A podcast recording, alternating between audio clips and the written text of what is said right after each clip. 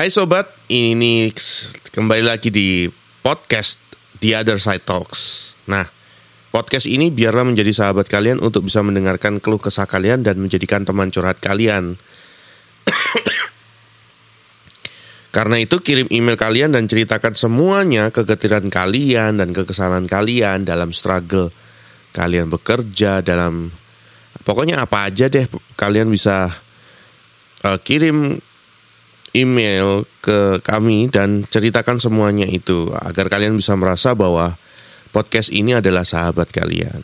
Nah, saya berharap kalian semua yang sedang mendengarkan podcast ini, kalian semua baik-baik saja hari ini, oke ya? Dan saya harap kalian menjadi orang yang lebih baik dari sekarang. Amin. Hari ini kita akan membahas tentang mengasta eh mengasta mengatasi stres dalam hidup dan di tempat kerja. Nah, ada sebuah artikel nih yang mengatakan bahwa lebih dari 40 juta orang di Eropa atau setidaknya satu dari tiga orang pekerja mengatakan bahwa mereka mengalami stres di tempat kerja. Stres di tempat kerja adalah masalah kedua yang sering terjadi di samping masalah sakit punggung. Jadi, saking lumrahnya sakit punggung, stres itu adalah hal yang kedua, masalah kedua setelah sakit punggung yang sering terjadi di tempat kerja. Dari hasil survei juga dikatakan bahwa lebih dari seperempat pekerja absen selama dua minggu. Dua minggu ini bukan dalam dua minggu berturut, apa ada tujuh empat belas hari berturut-turut ya, bukan. Maksudnya dua minggu tuh dalam akumulasi di dikumpulkan ada 14 hari dalam setahun mereka cuti atau absen karena masalah kesehatan yang diakibatkan oleh stres. Nah, tips mengatasi stres di tempat kerja. Nomor satu, rencanakan dengan baik aktivitas kalian.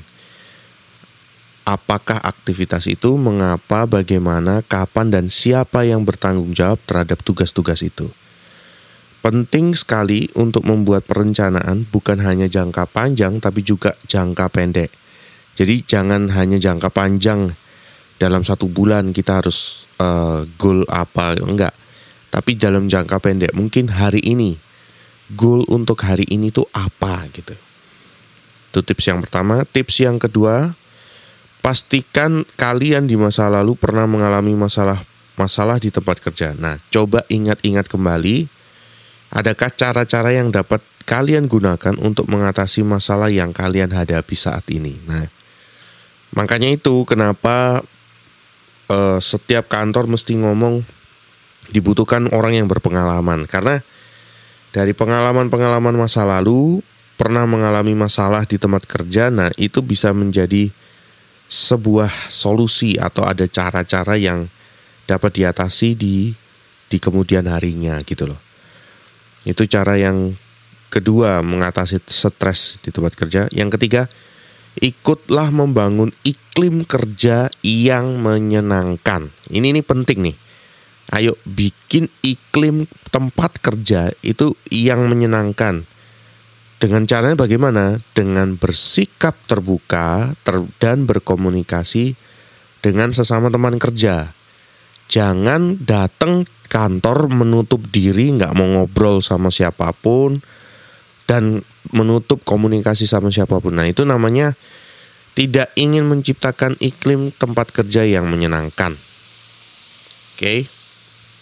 Yang keempat, pastikan Anda mengerti terhadap tugas. Pastikan kita ngerti tugas dan tanggung jawab kalian serta jangan ragu untuk bertanya. Jika memang ada sebuah apa ya keraguan atau apa ya boleh dibilang keraguan sih ya.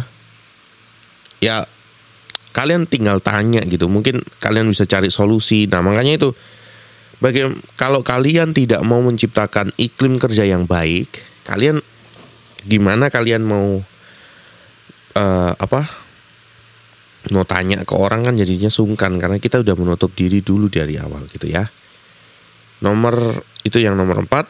Nomor lima, lakukan beberapa kali break untuk beberapa menit saja selama kalian bekerja. santai dan jangan melakukan apa pun. Relax, santai dulu dan jangan lakukan apa pun. Ambil nafas dalam-dalam supaya kalian bisa apa ya recovery walaupun hanya beberapa menit tapi kalian bisa recovery dengan melakukan beberapa kali break. Tapi nggak berkali-kali. Bedakan itu ya.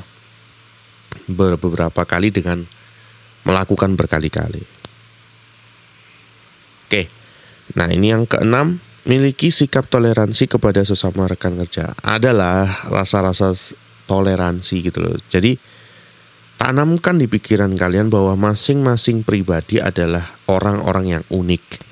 Sebagai contoh, beberapa orang justru berprestasi lebih baik di bawah tekanan, sementara sebagian yang lain membutuhkan waktu lebih banyak untuk menyelesaikan pekerjaannya.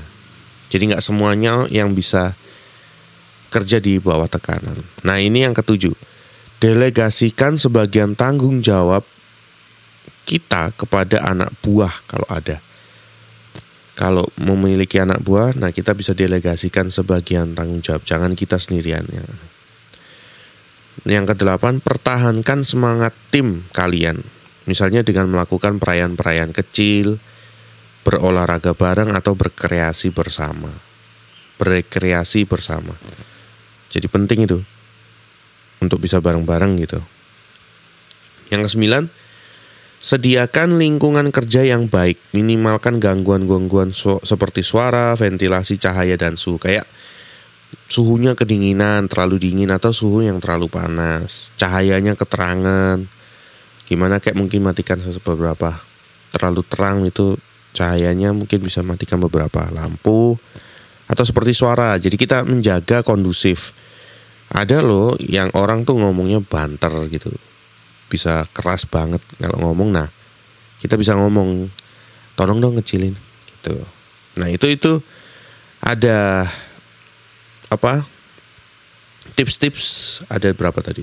Sembilan sembilan tips mengatasi stres di tempat kerja agar kalian bisa sama-sama uh, mengalami yang namanya